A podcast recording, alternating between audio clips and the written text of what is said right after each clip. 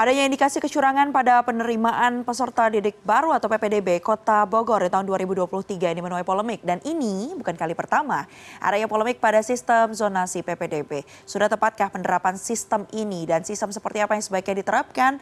Dan dalam hal ini termasuk di antaranya Bogor, Jawa Barat. Kita sudah terhubung dengan pengamat kebijakan pendidikan Universitas Pendidikan Indonesia, Prof. Cecep Darmawan. Selamat sore, Prof.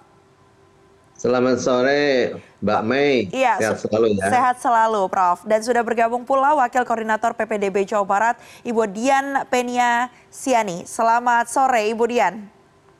Selamat sore. Ya, Bu, kalau terakhir kemarin uh, Pak Wali Kota sudah menyatakan bahwa sudah membentuk tim verifikasi faktual. Kita mau update dulu dari Ibu Dian, sejauh ini progres uh, pekerjaannya seperti apa mengingat Selasa sudah harus ada pengumuman ya nih, Bu? Iya, baik.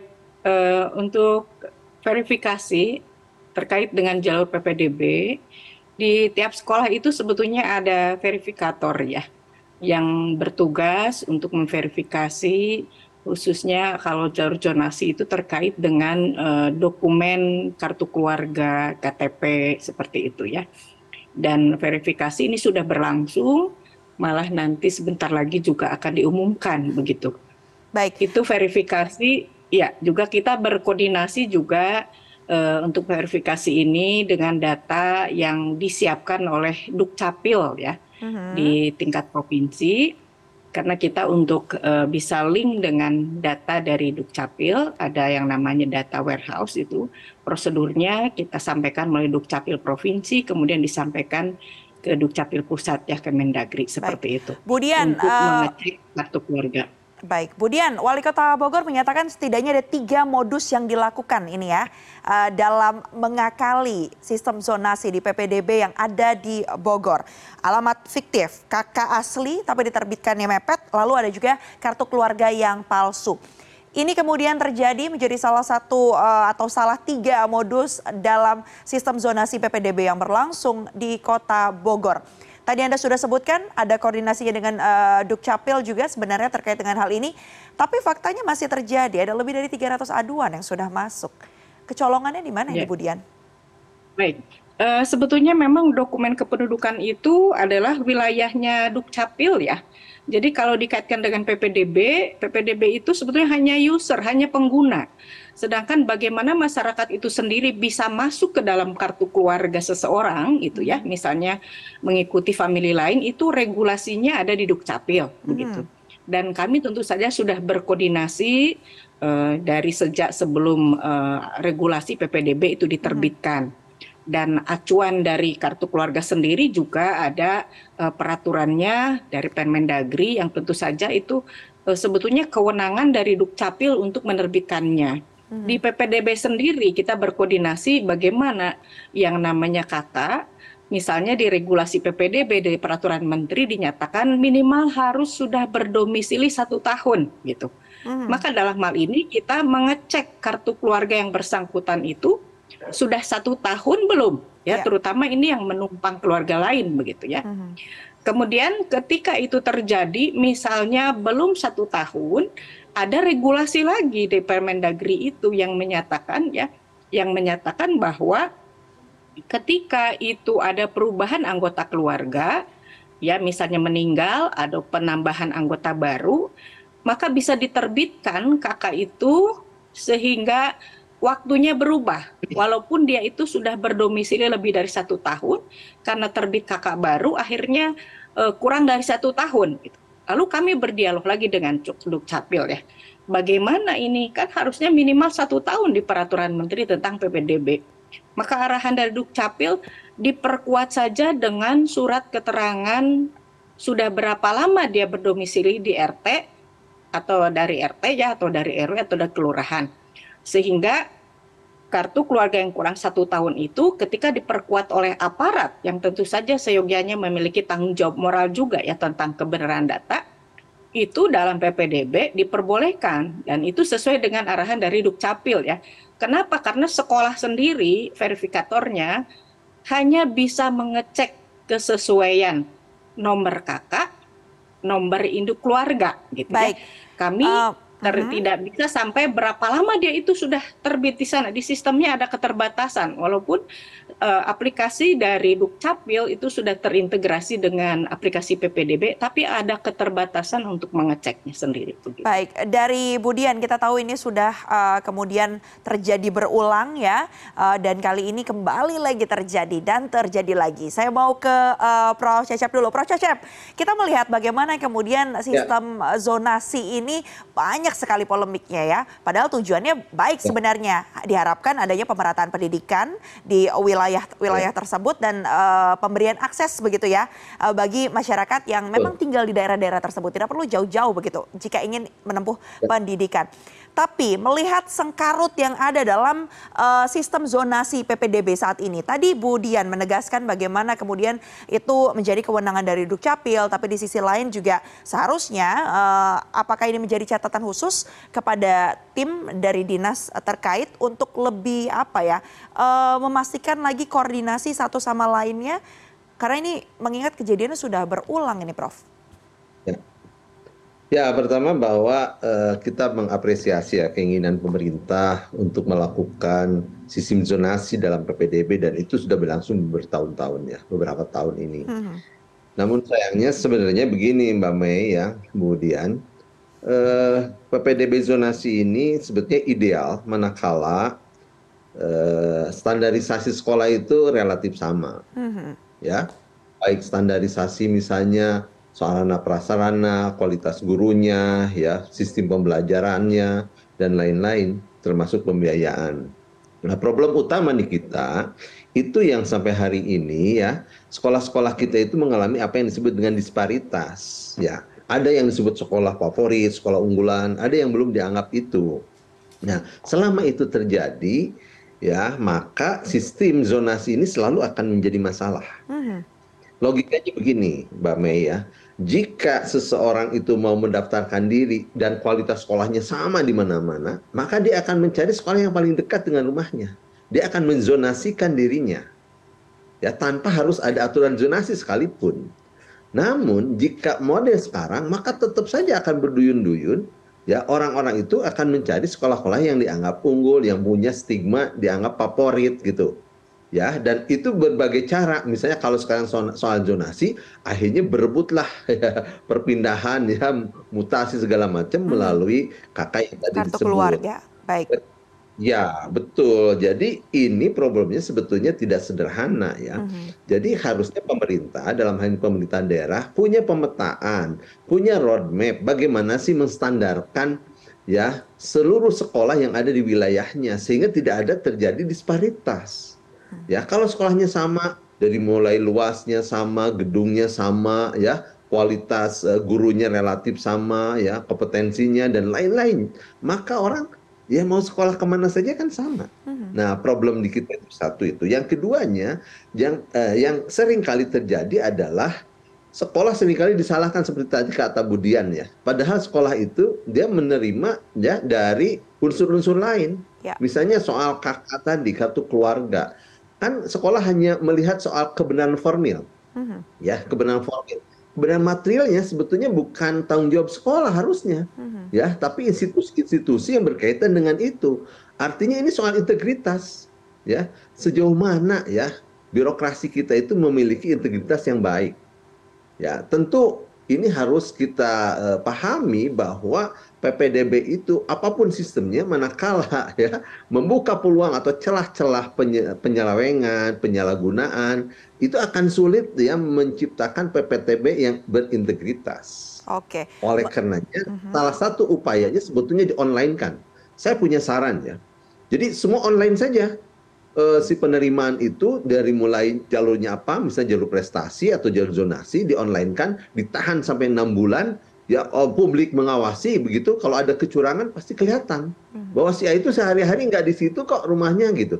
Itu akan ketahuan, ya. Itu salah satu upaya. Nah, berikutnya bagaimana sih agar kecurangan itu tidak terjadi? Nah, sekarang problematikanya sebetulnya ada di mana? Ya, tadi kan soal disparitas ya kualitas sekolah gitu. Ya, yang berikutnya soal sistem PPDB-nya. Sistem PPDB itu serahkan ke daerah, jangan diatur oleh pusat. Serahkan ke daerah, ya soal zonasi berapa persen, soal prestasi berapa persen, bagaimana mengatur zonasi itu kewenangan daerah sepenuhnya karena pendidikan itu kan kita tahu ya pendidikan itu adalah wilayahnya ya urusan atau kewenangan kabupaten kota dan provinsi tergantung pada levelnya. Misalnya SD SMP kabupaten kota SMA ya, SMK itu ada di provinsi ya yang disebut dengan kewenangan atau urusan kongkaran.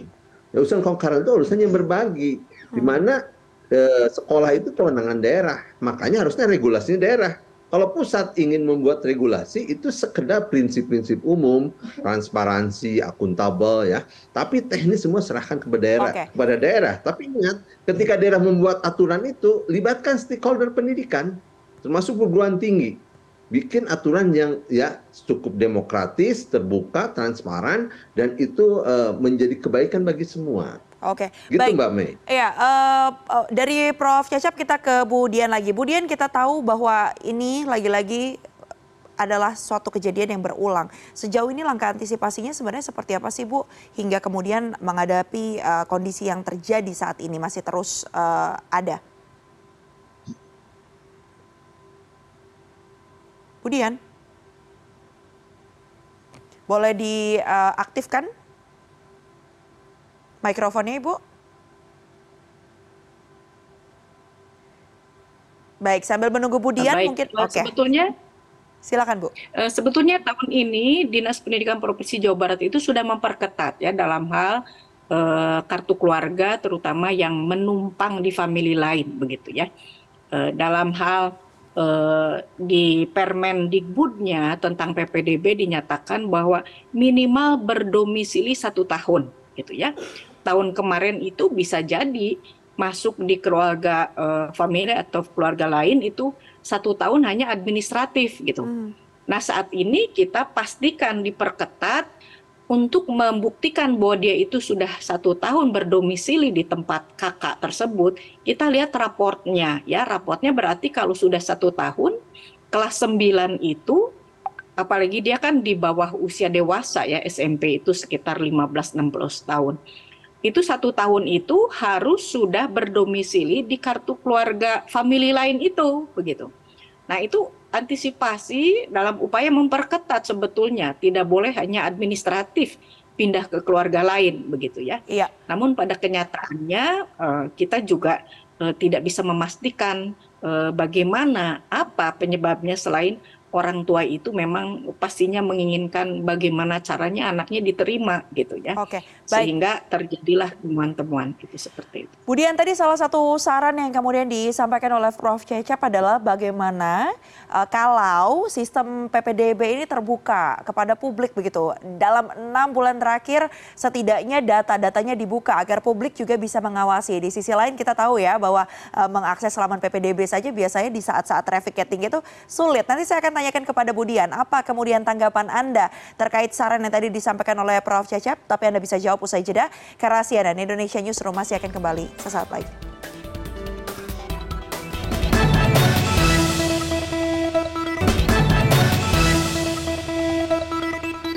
Anda kami Anda masih bersama kami di CNN Indonesia Newsroom dan kita masih membahas terkait dengan bagaimana bagaimana kemudian PPDB zonasi yang di- terindikasi diwarnai oleh kecurangan. Saya akan langsung tadi bertanya kembali kepada Ibu Dian. Ibu Dian tadi salah satu saran yang disampaikan oleh Prof. Cecep adalah bagaimana kalau semuanya bisa diakses uh, secara online begitu. Sementara itu ada kesulitan bagi para pengakses situs PPDB ini terutama ketika trafiknya sedang tinggi-tingginya. Ya, baik terima kasih. Dalam hal prinsip transparansi ya, eh, distrik provinsi juga berkomunikasi terlebih dahulu dengan eh, Komisi Informasi Publik ya, juga dengan Dinas eh, Diskominfo, juga dengan Ombudsman ya, karena Mhm. kita juga harus tahu mana informasi-informasi yang me- memang bisa diakses oleh publik dan mana yang dikecualikan gitu ya. Mhm. Jadi sebetulnya kalau kita masuk ke website disdik prof. Disdik dot ya prof. Eh, jabar.go.id masyarakat itu bisa membuka karena tinggal memilih wilayah mana yang mau dilihat begitu ya. Hmm. SMA mana negeri atau swasta boleh dilihat. Apakah mau lihat pendaftar apakah mau lihat hasil seleksi itu sebetulnya bisa gitu ya. Nah ini uh, sudah terbuka dalam uh, apa dalam pandangan kami Dinas Pendidikan Provinsi Jawa Barat karena publik itu bisa mengakses sebetulnya begitu. Kemudian uh, ingin data yang lebih detail lagi, tentu itu harus memiliki akun karena di sana ada informasi-informasi yang menurut arahan ya Komisi Informasi Publik juga itu dikecualikan ya. Tetapi tidak memiliki akun pun sebetulnya masyarakat bisa mengakses. Jadi boleh dicoba masyarakat ya tanpa memiliki akun masuk saja ke website disdik.jabarprof.go.id.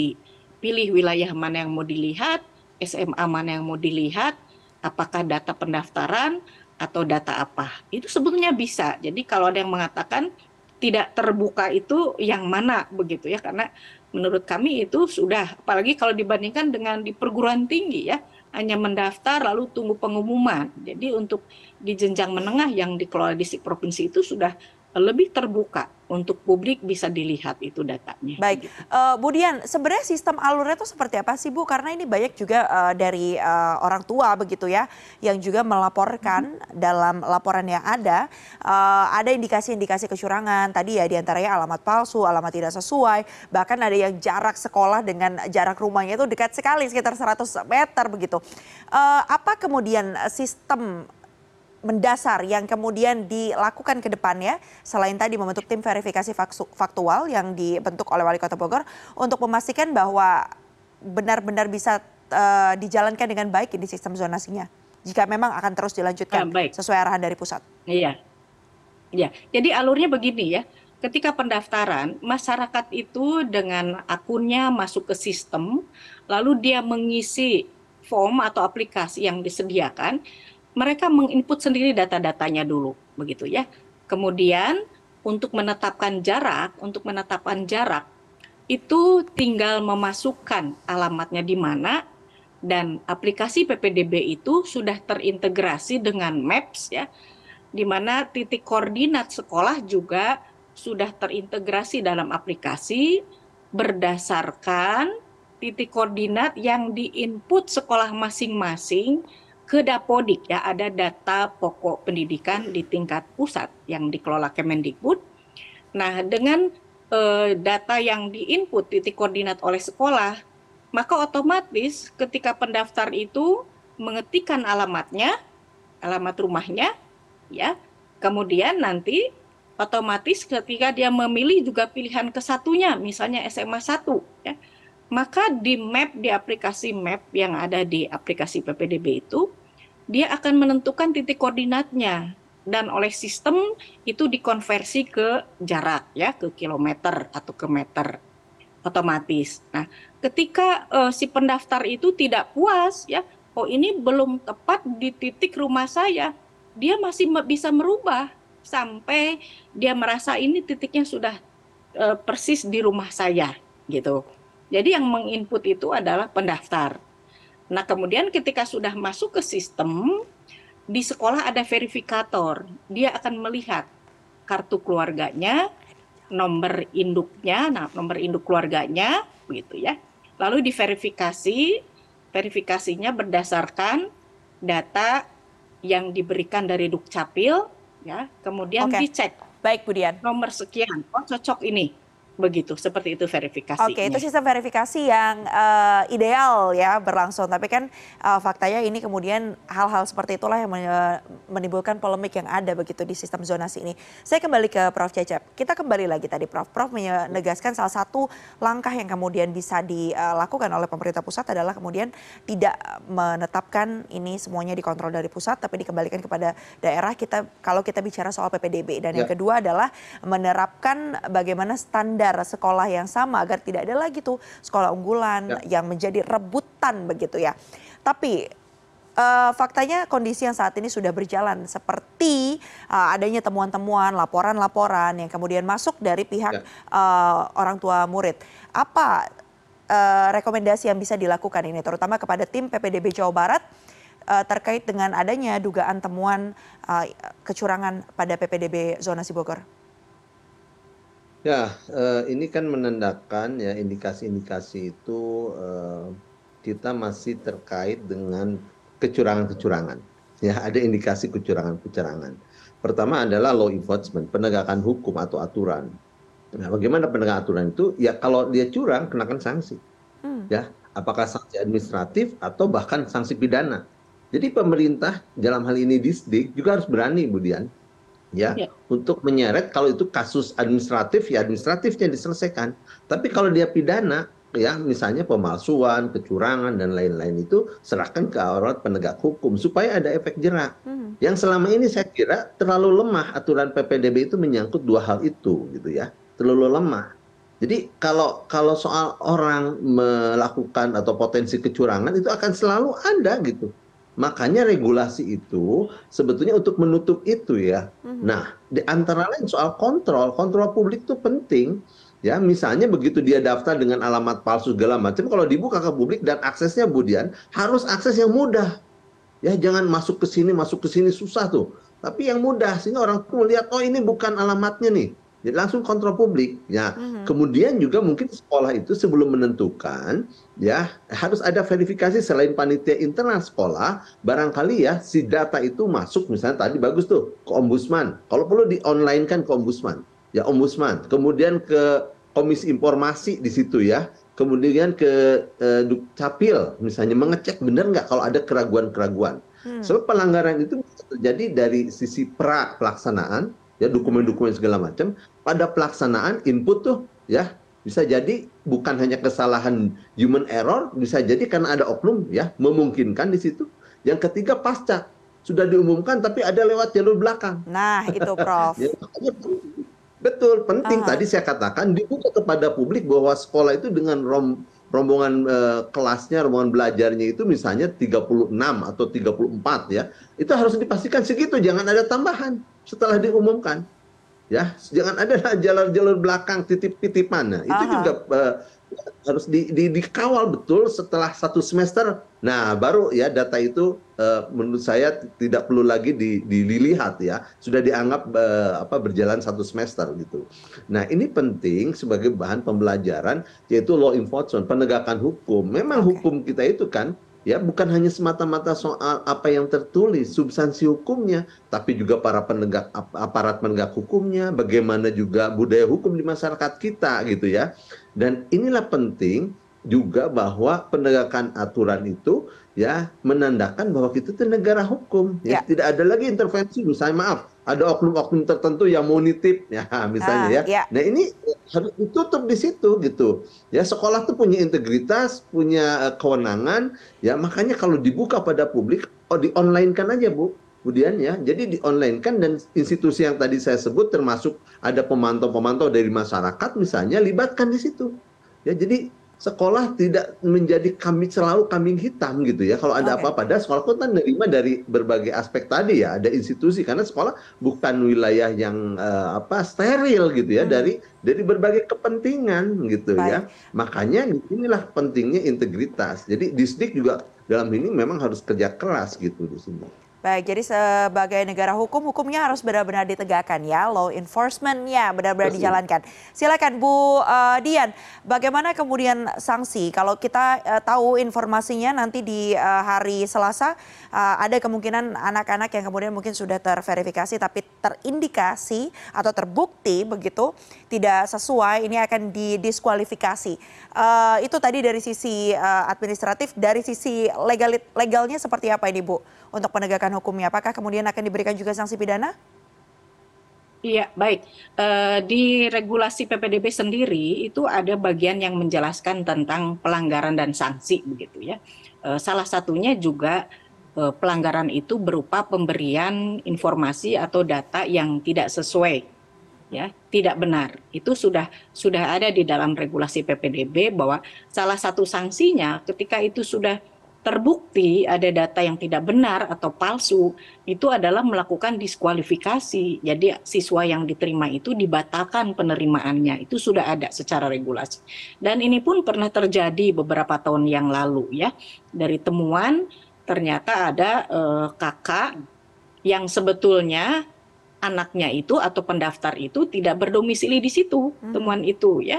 Eh, lalu panitia dari sekolah tersebut setelah melakukan visitasi didampingi dari aparat setempat, dari kami distrik provinsi, dari Pemprovnya ada Satpol PP, kita telusuri memang anak ini tidak berdomisili di situ, pada akhirnya dipanggil orang tuanya, dan sanksinya adalah diskualifikasi pembatalan eh, penerimaan siswa tersebut. Itu sudah dijalankan pada pada tahun yang lalu pun begitu ya. Jadi hmm. sudah pasti regulasi pelanggaran dan sanksi itu sudah ada di dalamnya. Terkait sanksi Mungkin pidana yang, yang tadi sempat disinggung oleh uh, Prof. Cecep, seperti apa Bu? Iya, Baik, nah sebetulnya itu kan terkait dokumen kartu keluarga itu terkait dengan peraturan per Permendagri tersebut sudah ada sudah ada ketentuannya di sana ya. Selain denda juga bisa berupa uh, hukuman di sana. Tentu ini harus berkoordinasi dengan Dukcapil karena temuan ini terkait dengan dokumen yang dikelola oleh Dukcapil sehingga tentu saja uh, bagaimana nanti uh, hukum atau sanksi yang diberikan dalam uh, aturan itu sudah ada aturannya yang terkait terkait dengan uh, data kependudukan begitu. Baik, terima kasih Bu Dian. Kita tahu ya Prof kalau uh, yang diharapkan ya. adalah jangan sampai ada diskualifikasi karena ini juga pasti akan mempengaruhi psikologis dari anak didik yang baru hmm. mau sekolah sudah harus menghadapi uh, sengkarut Tapi, yang dihadapi di depannya. Uh, terkait ya, dengan hal ini, apa kemudian baik terakhir Prof, uh, apa kemudian ya. rekomendasi final yang diharapkan bisa diterapkan kalau kita bicara soal soal sistem PPDB? Ya, eh, tadi sebenarnya ada hal yang menarik ya kalau dikaji. Jadi sanksi administratif dijalankan, tapi sanksi pidana, misalnya pemalsuan, ya, ya. kemudian tadi eh, data juga yang mungkin ya tidak sesuai dengan aslinya, aspal dan segala macam. Nah ini bisa sebenarnya ada sanksi pidana ya. Jadi aspek eh, apa aparat penegak hukum sebetulnya bisa masuk di situ dan ini akan menjadi pembelajaran ya sebagai efek jerak kepada siapa saja yang memasukkan dokumen ya dan kemudian juga ada oknum-oknum lain yang bermain di PPDB harusnya yeah. ditegakkan aturan pidana gitu ya. Tidak semata-mata soal uh, apa sanksi administratif gitu. Kalau sanksi administratif jadi lemah law enforcementnya gitu mm-hmm. ya orang ya udahlah tahun dulu juga begitu begitu begitu.